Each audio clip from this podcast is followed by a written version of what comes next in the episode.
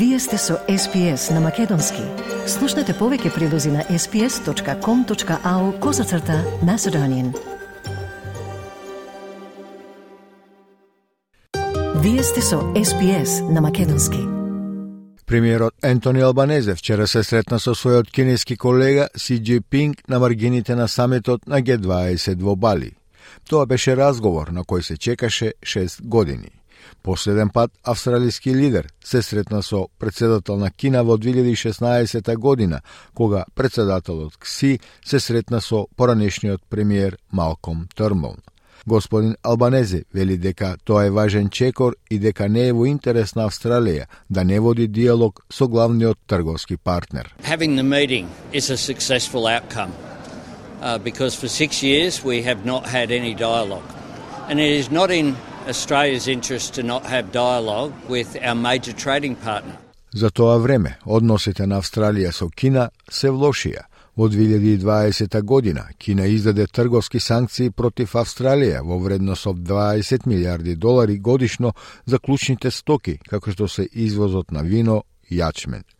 Господин Албанезе ги минимизираше изгледите за брза промена на тие трговски санкции, но вели дека е уверен дека може да се работи за надменување на предизвиците во билатералните односи и дека има многу чекори што доправа треба да се преземат, да сработуваат каде што можат, а да не се согласуваат онаму каде што треба и дека ќе действуваат во корис на националниот интерес.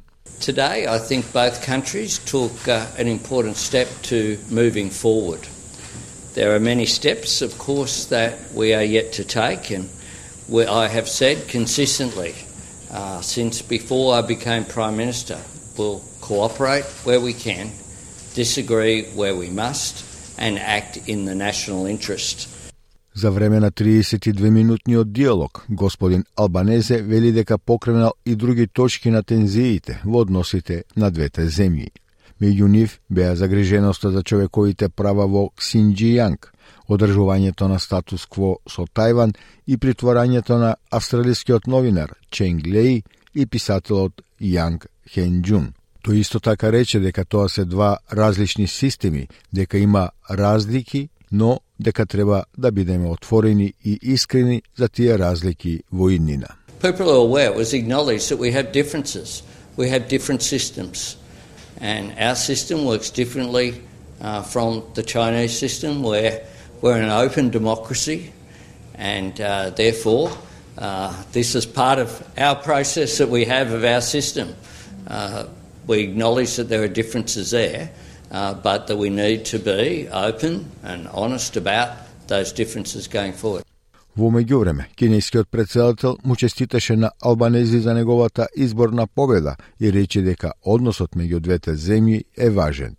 Председателот Кси рече дека кинеско-австралиските односи цитирам, заслужуваат да се негуваат, затворен цитат, велејќи дека придава големо значење на мислењето на албанези дека на зрел начин ќе се занимава со кинеско-австралиските односи.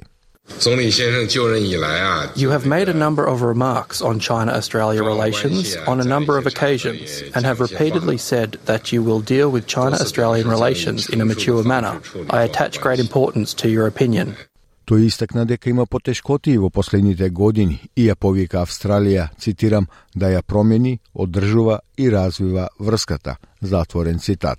Многумина се прашуваат дали ова би можело да го означи почетокот на одмрзнувањето на односите меѓу Кина и Австралија. Руан Калик од Азискиот институт на Универзитетот Грифит изјави за Nine Network дека тоа е значаен состанок за двете страни. Xi Jinping you know, he had this re- recent, hugely important uh, party congress, uh, which he uh, he took power for another five, probably ten years, and he switched the legitimacy of the party from the fading economy to. Uh, to stressing that he was going to keep China safe from a hostile world. So international relations has been hugely elevated uh, recently under Xi Jinping. Калик вели дека, имајќи го предвид тој контекст, средбата со Кси Джипинг има ефективни ефекти и може да го постави тонот за идните дискусии. So all these talks uh, carry a lot more weight and uh, we could see he talked before he talked with Albanese, he talked with Joe Biden for three hours, uh, uh and Biden wants to manage co- the competition between them so it doesn't turn into conflict. So that was the kind of context. And for us, very important because messaging from the top in China uh, cascades down. Mm. So seeing the top guy is going to uh, help a lot in arranging meetings further down. Има извештаи дека 20 лидери потоа имале втор понеформален разговор за време на гала вечерата на Г20 во Индонезија. Четириминутниот разговор помеѓу премиерот Ентони Албанези, кинескиот председател Кси Джи Пинг и неговата сопруга господја Пенг Ли Юан е опишан како, цитирам, топла дискусија. Иако ова очигледно дипломатско затоплување се уште не даде никакви формални резултати, само времето ќе покаже дали ќе го отвори патот за ново поглавје во односите Австралија-Кина. Вие сте со SPS на Македонски. Сакате ли да чуете повеќе прилози како овој? Слушате подкаст преку Apple Podcasts, Google Podcasts, Spotify или од каде и да ги добивате вашите подкасти.